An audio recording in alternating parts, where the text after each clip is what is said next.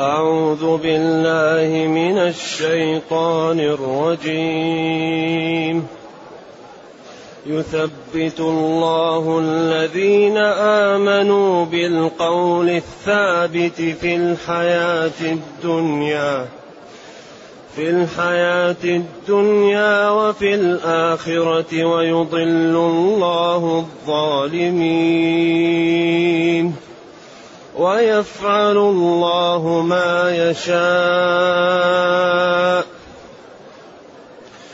ألم تر إلى الذين بدلوا نعمة الله كفرا وأحلوا قومهم وأحلوا قومهم دار البوار.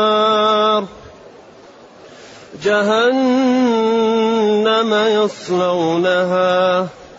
جهنم يصلونها وبئس القرار. وجعلوا لله أندادا ليضلوا عن سبيله. قل تمتعوا فإن مصيركم إلى النار. قل لعبادي الذين آمنوا. قل لعبادي الذين آمنوا يقيموا الصلاة وينفقوا مما رزقناهم وينفقوا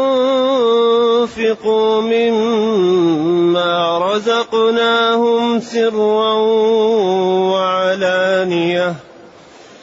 سرا وعلانية من قبل أن يأتي يوم يوم لا بيع فيه ولا خلال. الله الذي خلق السماوات والأرض وأنزل من السماء ماء فأخرج به من الثمرات رزقا لكم وسخر لكم الفلك لتجري, لتجري في البحر بأمره وسخر لكم الأنهار وسخر لكم الشمس والقمر دائبين وسخر لكم الليل والنهار وآتاكم من كل ما سألتموه وإن تعدوا نعمة الله لا تحصوها. إن الإنسان لظلوم كفار. الحمد لله الذي أنزل إلينا أشمل الكتاب وأرسل إلينا أفضل الرسل وجعلنا خير أمة أخرجت للناس. فله الحمد وله الشكر على هذه النعم العظيمة والآلاء الجسيمة. والصلاة والسلام على خير خلق الله. وعلى آله وأصحابه ومن اهتدى بهداه. أما بعد فإن الله تعالى يبين أن التثبيت منه جل وعلا. فقال جل وعلا يثبت الله الذين آمنوا بالقول الثابت في الحياة الدنيا وفي الآخرة ويضل الله الظالمين ويفعل الله ما يشاء. هذا امتداد وإيضاح للأمثلة السابقة. وإيضاح القضية المهمة وجعلها تستقر في النفوس وفي القلوب حتى يكون كل واحد على بصيرة مما يذر ومما يفعل. إذا يثبت الله. التثبيت ثبت الإنسان إذا قام في مكانه وتمسك فيه.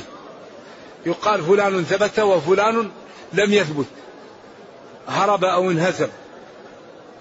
فيثبت الله الذين آمنوا يقويه ويجعله على الطريقة التي عليها يريدها منه ربه وطلبه منها في الدنيا وفي الأخرى. يثبت. ثبته يثبته تثبيتا. إذا جعله يبقى ثابتا لا يتزعزع ولا يتغير عما هو عليه. فالمؤمن ثابت على الطاعة.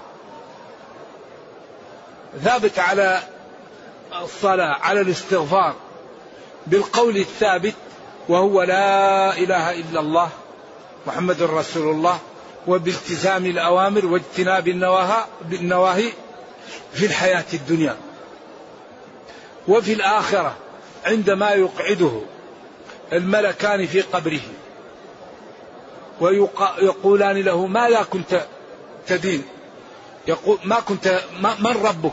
فيقول الله ما دينك الإسلام؟ ماذا تقول في هذا النبي؟ يقول هو محمد رسول الله. وقال نم ويفتح له نافذة من قبره إلى الجنة. هذا وفي الآخرة. تثبيت في الآخرة أن يقول ربي الله ديني الإسلام رسولي محمد صلى الله عليه وسلم. يثبت الله الذين آمنوا بالقول الثابت. يعني يستمر على الإيمان حتى يموت عليه وإذا سئل لا تكون الشياطين اجتالته عند الغرغرة. لأن من مات على الإسلام فهو مسلم انقطع التكليف بعد الموت. إذا مات الإنسان على لا إله إلا الله ما عنده مشكلة. لكن المشكلة قبل أن يموت. لأن يمكن أي وقت يغير القلب يأتيه الشيطان. تأتيه الشهوة تأتيه الشبهة. يأتوا شياطين الإنس. شياطين الإنس أشد من شياطين الجن. لأن شياطين الجن تستعذ بالله يعيذك منهم. أما شياطين الإنس هؤلاء الواحد يجيك ورا المرة ورا المرة ويأتيك من كل جهة. فلذلك قال شياطين الإنس والجن يوحي بعضهم إلى بعض. وقال وإخوانهم يمدونهم في الغي ثم لا يقصرون.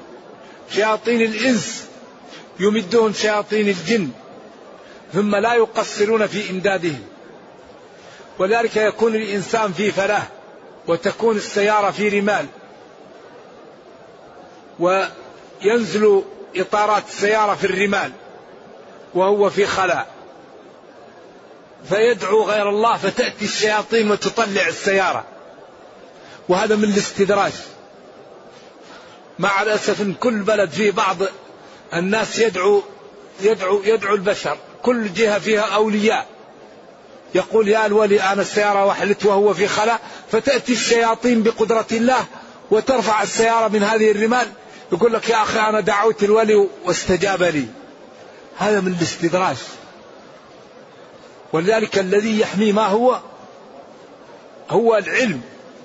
أيوة يحمي الله بتعلم العلم. الذي يحميه من, من هذه المزالق هو العلم. لأن العلم هو الذي يعرف به أن هذا من فعل الشيطان. والشيطان أعطاه الله تسلط على الإنسان. يجري منه مجرى مجرى الدم. ويوسوس كل واحد يوسوس له. جاء لقريش وقال لهم سلوا محمدا. عن الشاة تصبح ميتة من الذي قتلها. فقال لهم الرسول صلى الله عليه وسلم الله قتلها. فقال لهم قولوا له ما ذبحه الله؟ بسكين من ذهب تقولون حرام وما ذبحتموه أنتم تقولون حلال أنتم إذا أحسن من الله؟ فأنزل الله ولا تأكلوا مما لم يذكر اسم الله عليه. وإن زعموا أنها ذبيحة الله. وإن الشياطين ليوحون إلى أوليائهم ليجادلوكم بقولهم ما ذبحتموه حلال وما ذبحه الله حرام. وإن أطعتموهم في فلسفتهم الشيطانية إنكم لمشركون.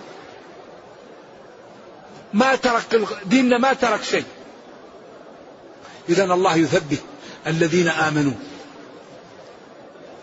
بالقول الثابت بلا إله إلا الله.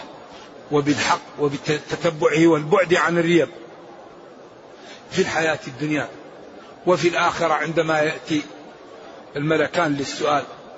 بعدين قال ويضل الله ظالمين. هنا أدمج هذا امتداد لقوله ومثل كلمة طيبة وضرب الله ومثل كلمة خبيثة وضرب الله. هذا امتداد له وتوضيح للقضية. ويضل الله الظالمين. الضلال ضد الهداية. الظالمون هنا الكافرون. يبعدهم عن الحق يبعدهم عن السمع يبعدهم عن الفهم.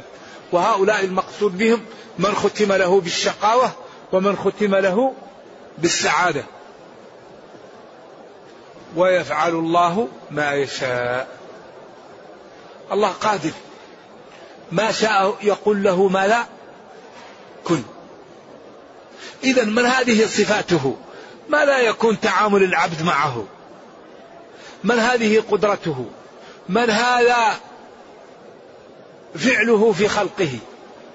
يثبت من شاء ويضل من شاء ويفعل ما يشاء.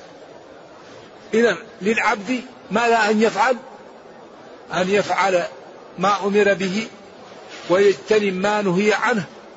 ويسأل الله التثبيت. يمتثل الأوامر ويجتنب النواهي ويتابع ذلك بسؤال التثبيت. والله يقول ادعوني أستجب لكم. ويقول إن الله لا يضيع أجر من أحسن عملا. ويضل الله الظالمين أي الكافرين. يضلهم يبعدهم عن الحق. ويأخذ بهم جوانب الضلال. وكل واحد من ضلاله إلى ضلاله لأن الضلال يدعو إلى الضلال. والهداية والإيمان وأعمال الخير تدعو إلى أعمال الخير. ولذلك نحن يجب علينا أن نتعاون على أن نبتعد عن الضلال وأسبابه حتى لا نقع في العطب. لأن من أكبر أسباب قسوة القلب ما هو؟ أكل الحرام. أكل الحرام. الميتة الربا النجش الغرر الجهالة ظلم الأيتام ظلم الضعاف. واحد ينبت جسمه من الحرام فيتغشى القلب بغلاف فيكون لا يخاف. فإذا أمن ولم يخف يكون كسلانا عن الصلاة كسلانا عن الصوم كسلانا عن الاستغفار كسلانا عن التوبة كسلانا عن قراءة القرآن. وتأتيه الشياطين ويسهل عليه الغيبة ويسهل عليه النظر ويسهل عليه السماع المشبوه. وبعدين شوية شوية ويروح في داهية. لكن الإنسان من البداية لا يأكل الحرام. لا ينظر إلى الحرام. لأنك إذا نظرت إلى الحرام يأتي إبليس ويغرس سهم في قلبك. ولا يزال بك حتى يجرك للمعصية. لكن قال قل للمؤمنين يغضوا من أبصارهم. بعض البصر النظرة الأولى لك لكن ما لك النظرة الثانية. بعدين قال ويحفظوا ما قال من فروجهم. لا يحفظوا حفظ كامل لكن البصر يحفظ منه. لأنه إذا لم ينظر قد ينزل في حفرة أو في جدار. لا بد أن ينظر. فإذا واجهه شيء أول مرة مسامح. لكن مسامح في الأولى أما الثانية لا. والله لا تخفى عليه خافية. دين دين رائع الإسلام. ما رأيت أجمل من هذا الدين. وأحسن وأنجع وأسهل وأكثر توسعة. فحري بنا الحقيقة أن نفهمه وأن نجتهد في, في تمثله. ويفعل الله ما يشاء. إذا ما دام الله يفعل ما يشاء نتوجه إليه بالهداية وبالاستقامة وبالعلم وبكل خير. نسأله ادعوني أستجب لكم. ثم قال ألم تر رؤيا بصرية إلى الذين بدلوا نعمة الله كفرا؟ ألم تر يا نبي إلى القوم أو الجماعة أو القرية أو الحي. حذف هذا. الذين بدلوا التعبير بالموصول يعطي فسحة. بدلوا أخذوا شيء بدل شيء. نعمة الله التي أنعم عليهم بها وهو إرسال محمد صلى الله عليه وسلم وما جاءهم به من الخير والعز والشرف. وإنه لذكر لك ولقومك. نعم. والعزة والجمال والحسن. وبعدين استبدلوا عن هذا فكفروا به ولم يقبلوا ما جاءهم به وعبدوا الأصنام وأوقعوا نفسهم ومن وافقهم في ورطة لا مهرب ولا مخلص منها. عياذا بالله. ألم تر رأي العين إلى هؤلاء الذين بدلوا نعمة الله وهي ما جاءهم به محمد صلى الله عليه وسلم من القرآن والوحي ومن التشريع وما جاءهم به من الخير والقدوة الحسنة كفروا بذلك وبدلوا هذه النعمة وهي إرسال محمد صلى الله عليه وسلم ونزول القرآن عليهم بالكفر وهو الجحود والتكذيب. عياذا بالله. وهذا غاية السفة وغاية الجنون ويدخل في هذا الدخول أول قريش لأنهم جاءهم رسول من أنفسهم يعلمون صدقه وحسنه وأمانته وأخلاقه ونسبه فيهم وكانوا قبل أن يرسل يسمونه الأمين. فلما جاءهم بهذا الدين ودعاهم إليه وقال لهم معجزتي هذا الكلام وأنتم أصحاب فصاحة وبلاغة فإن أتيتم به فذلك دليل على أني غير صادق وإن عجزتم عنه فاعلموا أني مرسل من ربي وقد أوعدت المكذب به النار فاتقوا النار. يعني بيان لا لبس فيه. فقابلوا الإيمان بالكفر والنعم بالعصيان واستبدلوا ما أعطاهم الله من الخير بالكفر وعند ذلك أوقعوا نفسهم في النار. وفي دار البوار عياذا بالله. وهذا السياق ليحذر من قرأ هذه الآيات ليبتعد حتى لا يقع فيما وقع فيه كفار قريش فيورط ورط ما وراء وراءها. ليأخذ من نفسه لنفسه قبل أن يفوت الأوان. نحن يقال لنا هذا في الدنيا لنستفيده.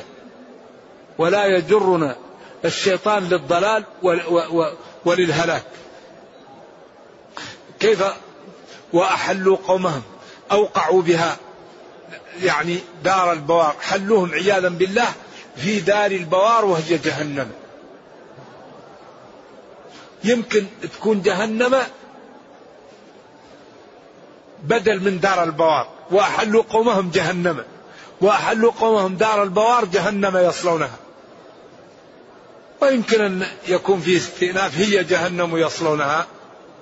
نعم. وبئس القرار فعل جامد لإنشاء الذنب.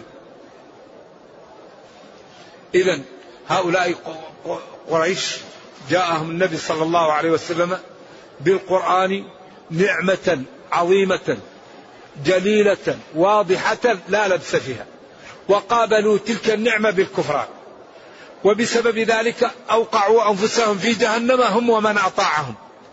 وهذه جهنم بئس القرار وهي بئس لأنها مذمومة ومكان سيء مذموم ومعاب عياذا بالله.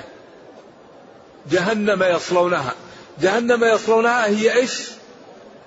دار دار البوار عياذا بالله. يمكن تكون بدل اشتمال منها جهنم يصلونها وبئس القرار بئس المصير. بعدين وجعلوا لله أندادا. صيروا لله أندادا جمع ند. والند هو المثيل والشريك والمقصود به الأصنام التي نحتوها وأتوا بها وعبدوها وصرفوا لها حق الله ليضلوا عن سبيله. فعلوا ذلك لكي يضلوا الناس ويبعدوها عن طريق الله وعن شرعه وعن اتباع نبيه. قل تمتعوا. كذا بعد هذا؟ قل تمتعوا. تمتعوا هذا أمر للتهديد وللتخويف.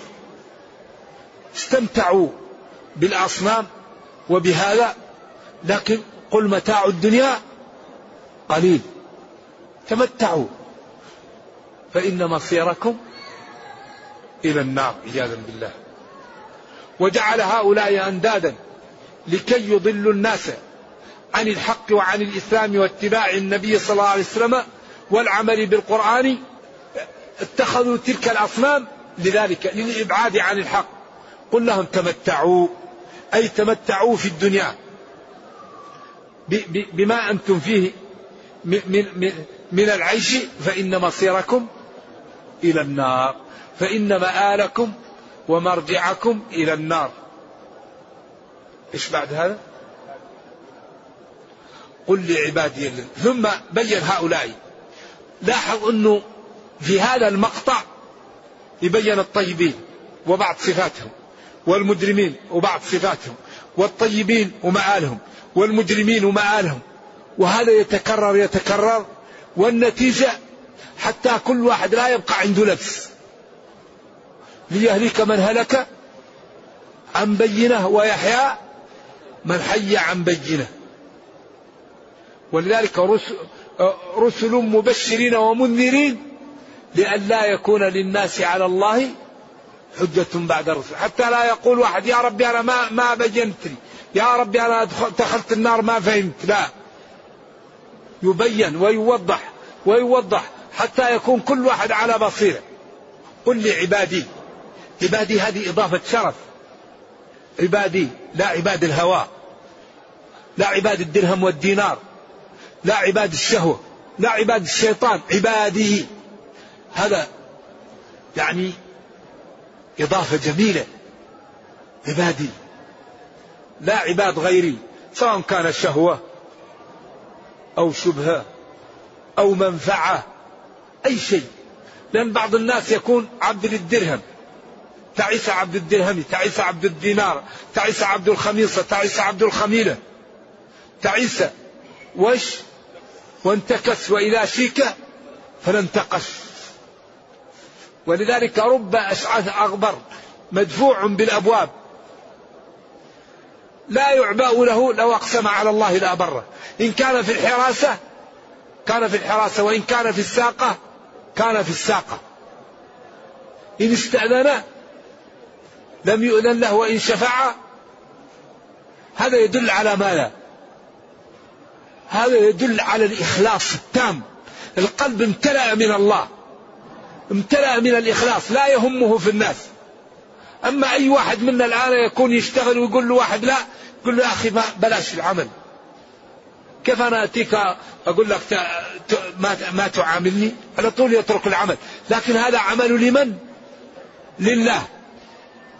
أذن ما أذن شفع ما شفع. تعامل بينه وبين الله. لو أقسم على الله لأبره أما صاحب الذنوب يا ربي يا ربي وملبسه حرام ومأكله حرام وغذي بالحرام إيش؟ فأنا يستجاب له فأنا يستجاب لذلك. فلذلك لا يوجد شيء أضر من الحرام. الحرام الحرام يحذر. الحرام الحرام يتجنب. ما فيه مثل الحرام. يمحق ويحرق. الذي يتعاطى الحرام مثل الذي يشرب السم. أو يحقن النفس بالسم. ما يوجد شيء أضر على المسلم من الحرام. شؤمه في العمر. شؤمه في الولد. شؤمه في المال. شؤمه في السمعة. فأهم شيء نبتعد عن الحرام. أما الواجب الذي نستطيع نفعل منه والذي لا نستطيع إيش؟ ربنا يسامحنا. لأن الحرام دائما كف والكف ما فيه تعب. ما نهيتكم عنه؟ اجتنبوه لأن الكف ما فيه تعب. وما أمرتكم به فأتوا منه ما استطعتم قل لعبادي الذين آمنوا قل لعبادي أيوة عبادية كل ما هي مشكلة. أيوة كل قراءة سبعية. عبادي عبادية. الذين آمنوا. آمنوا يشمل 11 جملة. أركان الإيمان الستة وأركان الإيمان الإسلام الخمسة. يقيم الصلاة. في القرآن لا يأتي أد الصلاة. يقيم لأن الإقامة تتطلب شروط وأركان وواجبات وسنن وأنداب. يقيم الصلاة. ولذلك ضمن لمن أدى الصلاة أنه يغنى ويحمى. الصلاة الذي يصليها تنهى عن الفحشاء والمنكر. الصلاة من صبر عليها وأمر أهله بها أغناه الله. لا نسألك رزقا الله يرزقك. نحن نرزقك. بخلاف من ترك الصلاة فإن الأئمة الأربعة اتفقوا على أن حياته غير شرعية. اتفق الأئمة الأربعة على أن تارك الصلاة حياته غير شرعية.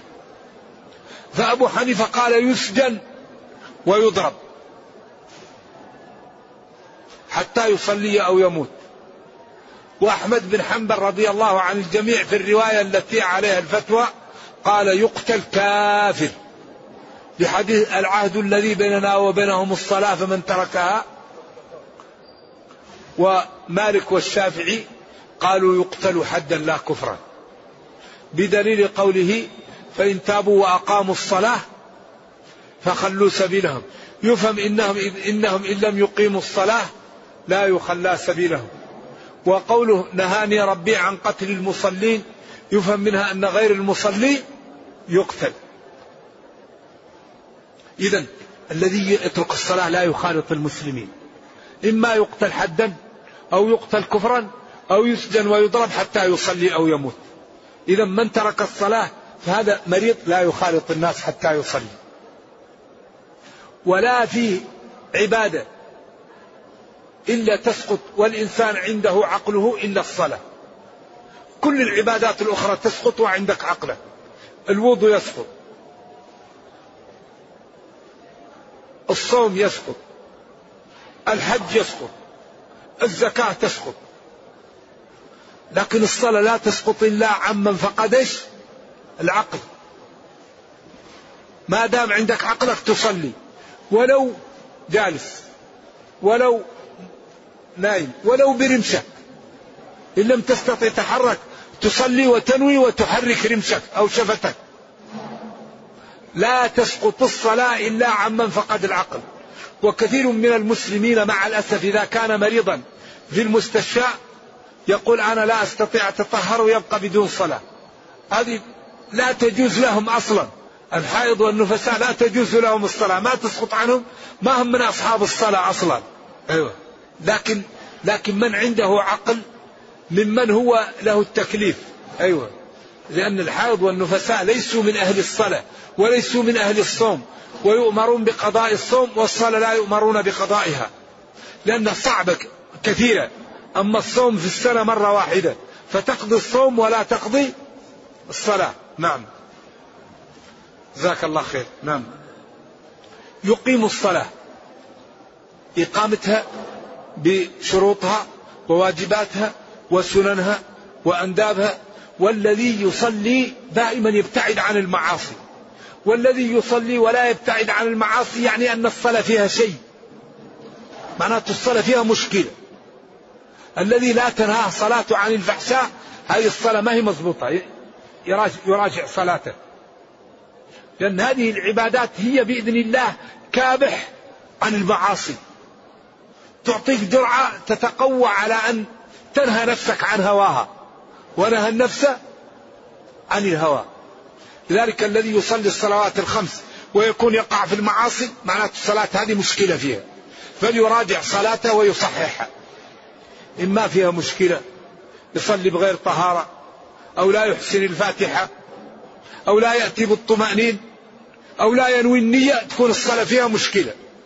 أما إذا كانت الصلاة مقامة إقامة كاملة بإذن الله تعالى تمنعه عن المعاصي وعن وعن الفحشاء. وينفقوا مما رزقناهم. ينفقوا يدفعوا مما أعطيناهم. سرا وعلانية.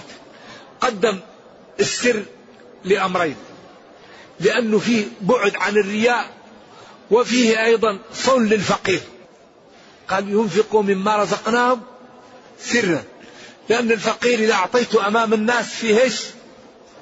فيه نوع من كسر الخاطر. وبعدين فيها أيضا نوع من من, من الإخلاص. تعطيها سرا فيها إخلاص وفيها أيضا محافظة على خاطر الفقير. لأنك لو أردت تعطيه تعطيه ما يراك الناس. أما هذا اللي جمع الناس ويجمع الفقراء مسكين ويحاول يوزع عليهم أمام الناس. هذا ما ينبغي. ينبغي إذا أردت تعطي الفقراء تعطيهم ما رآك أحد. أولا نعم. ولذلك يعني إخفاء الصدقة الغير واجبة هذا أفضل. أما الواجب هذا إظهار ما يضر لأنه أولى وحتى لا يتهم الإنسان. ولأنه ما الواجب ما يدخل الرياء. هذا واجب غصبا عنك ما الرياء ما يمكن واحد شيء واجب عليه كيف؟ لازم. ولكن التطوع هو اللي قد يدخله الرياء سرا وعلانية. من قبل ينفقوا ويدفعوا بعدين الإنفاق لا يقلل من المال. ما نقص مال من صدقة. يا عائشة لا توكي فيوكي الله عليك. من جاء بالحسنة فله عشر أمثالها. بس هذا يبقى له واحد قلبه قوي. له يقين. لأنه بعض الناس إذا أنفق ما يرى هذا. هذا يعوض وهو لا يراه. يكون ماله يمكن أن يحرق ويمحق فيمنع عنه الحرق والمحق بهذه الصدقة. أنت لا تدري. الله يدبر لك الأمر. ولذلك يدبر الأمر الكبير المتعال.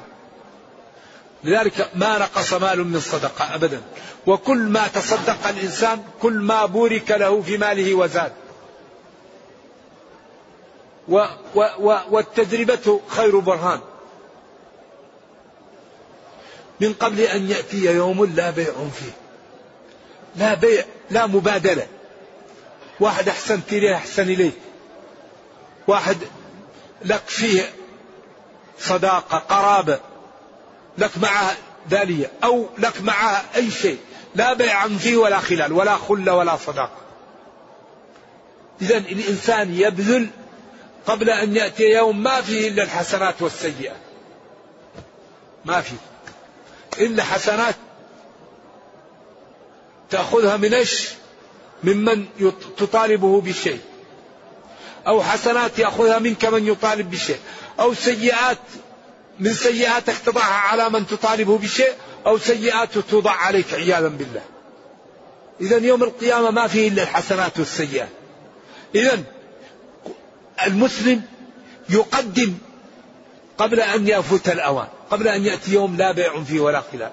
ثم بين في هذه الآيات قدرة الله تعالى وما أسداه على نعمه من الأمور التي لا يقدر عليها إلا الله.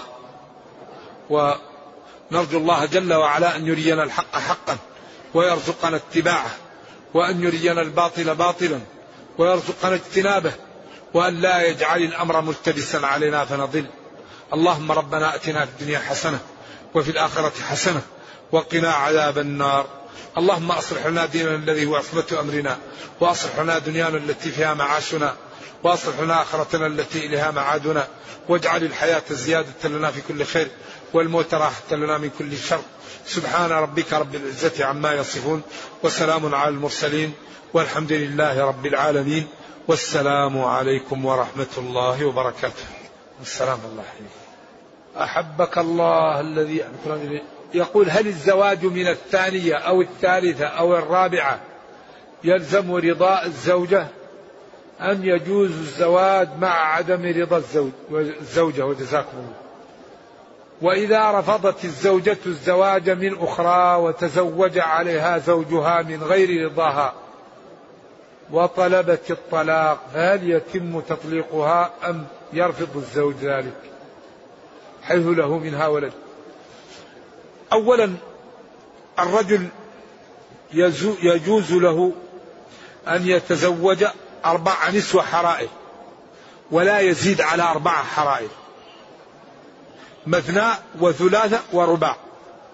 فإن خفتم أن لا تعدلوا فانكحوا واحدة أو اقتصروا على ما ملكت أيمانكم. ذلك أقرب أن لا تعولوا أن لا, أن لا تميلوا. فإذا كان الزوج مقتدرا مقتدرا وواثقا من نفسه يتزوج أربع. بحيث لا يظلم ويعطي المرأة حقها الحسي والمعنوي. ويعدل بينهن. فإذا كانت الزوجة لا تريد ذلك وأصبحت نفسها لا تقبل فأعلى ما تعمل ترد للزوج ماله ويطلقها تخالعه.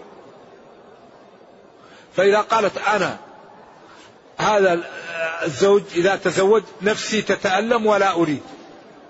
فتذهب إلى القاضي وتعطي لزوجها المال الذي أعطاها. إن أرادت إن أراد وإن لم يرد ف يعني تذهب إلى القاضي والقاضي يحاول أن يصلحهم.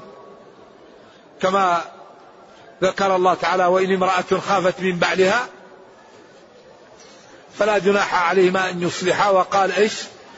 وعظوهن واهجروهن في المضاء فإن, فإن طعنكم بعدين قال فابعثوا حكما من أهله وحكما من أهلها إن يريدا إصلاحا يوفق الله بينهما بين الحكمين في أو بين الزوجين أو بين الحكمين والزوجين. فهنا القضية لكن بعض النساء يكون عند بعض الفقه والشيطنة فتأخذ بعض من المهر وتنزله للزوج لكي لا يتزوج عليها تشترط. هذا عند بعض العلماء إذا تزوجت واختارت أن تتزوج له ذلك أن تتطلق. تقول له أتزوجك بشرط أن لا تتزوج عليه. فهذا بعض العلماء يقول هذا الشرط لا يجوز وبعضهم يقول يجوز فإذا تركت فيه نوعا من المال له انتهت انتهى عدم الجواز لأنه أصبح بمبادلة. فبعض النساء يفقهن شوية فيدفعن بعض المال حتى يزيلوا هذا الخلاف. فيكون إذا تزوجت وأرادت المرأة إيش؟ أن أن تختلع منه أو تتطلق تكون بالخيار. نعم. هذا قاله بعض العلماء لكن مثنى وثلاثة ورباع. لا يعني قالوا ان الاصل التعدد لكن هذا الله أعلم.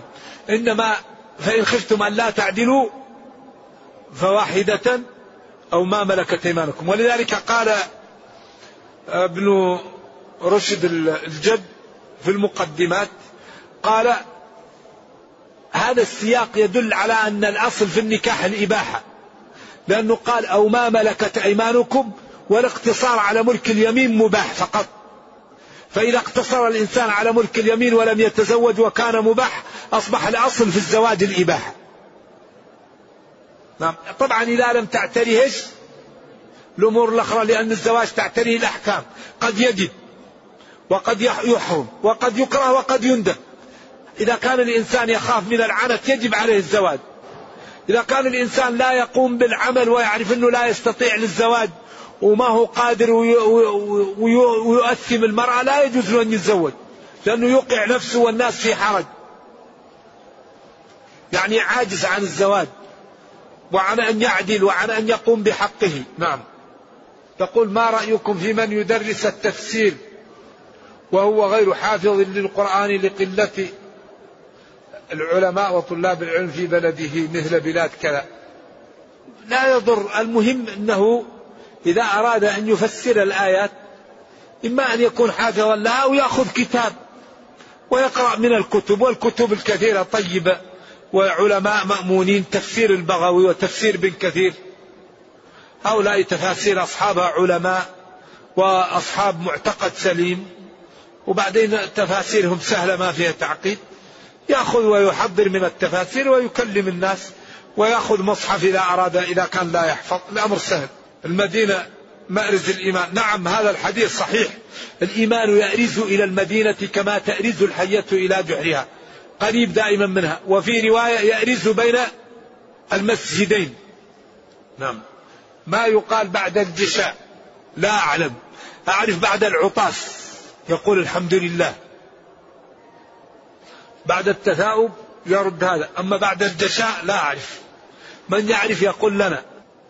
يقول هل الصدقة المستحبة؟ هل تقول أحيانا الأفضل إظهارها كما فعل أحد الصحابة حينما جاء بمال كثير حتى تكلم المنافقون. المنافقون لا يسلم منهم. الذي يأتي بكثير يقول هذا مرائي والتي يأتي بقليل يقول ما لا ينفع هذا. لكن المسلم ما يهمه. يدفع ليستطيع لا فرق بين بين ريال وألف ومليون. لأن الله لا يعني الكمية عنده ليست المهم النية. ليبلوكم أيكم أحسن عملا. ركعتين تسوى مئة ركعة وريال يسوى مئة ريال. المهم الكيفية ما هو الكمية. ولذلك إنما الأعمال بالنيات. لا يهمك اللي تستطيع تعمله اعمله. ولو اتقوا النار إيش؟ ولو بشق تمرة. ديننا دين جميل. ما حكم الأسهم؟ الأسهم تسأل عنهم اللجنة الدائمة للإفتاء.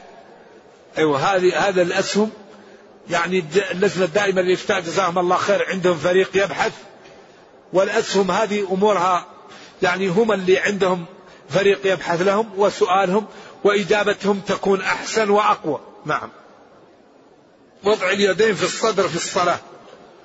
قيل يوضع هنا وقيل هنا وقيل تحت السره وفيه من يقول يسدلون. والكل جائز والأقوى أن يوضع هنا. لحديث فصل لربك وانحر على أحد الروايات الضعيفة. واضعا يدك اليمنى على اليسرى على نحرك. والأمر سهل والكل إن شاء الله صحيح وجائز. والإنسان يأخذ ما يحلو له ويرفق بالمخالف. الجنة أبوابها كم؟ ثمانية. وأغلب آه، روايات الصلاة صحيحة والحمد لله وديننا يسر. نعم. يقول إن الذين آمنوا ثم كفروا ثم آمنوا ثم كفروا ثم ازدادوا كفرا. لم يكن الله ليغفر لهم ولا ليهديهم سبيلا إلا طريق جهنم. ما المقصود بهذه الآية؟ وهل هناك أقوام يغلق عليهم باب التوبة أم أنه مفتوح حتى تطلع الشمس من مغربها؟ ما دام الإنسان حي فباب التوبة مفتوح. لكن هذه شريحة من الناس يعني عتت في الكفر. آمنوا ثم كفروا ثم آمنوا ثم كفروا على الخلاف. هؤلاء الذين يكفرون ويتلاعبون هؤلاء مظن على أنهم ختم عليهم. هم الذين ختم عليهم بالكفر ولم يكن الله ليغفر لهم لأنهم لا يتوبون. لا يهيئ الله لهم التوبة حتى يغفر لهم. نرجو الله السلام والعافية. نعم أما الذي يتوب يتوب الله عليه. قراءة البقرة لطرد الشيطان في المسجل تقرأ البقرة يقرأها الإنسان لأن المسجل لا يقرأ وإنما يقرأ الإنسان. إنسان يقرأ البقرة في بيته لأنها لا تستطيعها البطلة. والبيت الذي تقرأ فيه سورة البقرة يذهب منه الشياطين. نعم. قوله تعالى ألم ترى أولم يروا أنا نأتي الأرض ننقصها من أطرافها؟ ذال الزلزال والطوفان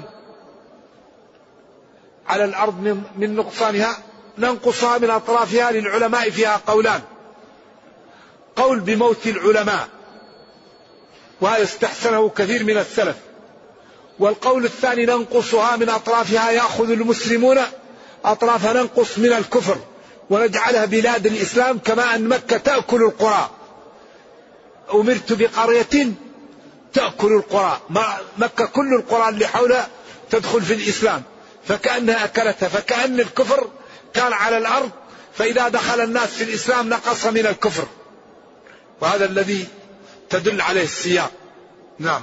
وأيضا ننقصها من أطرافها قد يكون بما يكون في أهلها من المعاصي حيث يقل سكانها ويقل الخصب فيها لقوله تعالى ظهر الفساد في البر والبحر بما كسبت أيدي الناس ويكون أيضا هذا داخل فيه الطوفان والزلزال لأنه يكون بسبب المعاصي فينقص سكان الأرض بسبب هذه المعاصي فيهلك كثير من الناس. والله أعلم.